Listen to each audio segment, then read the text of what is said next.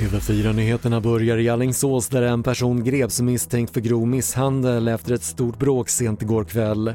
Fyra personer fördes till sjukhus varav två ska ha blivit påkörda av en bil efter att 10-15 personer av okänd anledning börjat bråka. Coronapandemin har fått antalet ärenden till Allmänna reklamationsnämnden att öka dramatiskt. Reserelaterade anmälningar har under första halvåret ökat med 91% enligt nya siffror och totalt handlar det om drygt 14 000 ärenden. Så till Australien där gränsen mellan delstaterna Victoria och New South Wales stängs natten mellan tisdag och onsdag.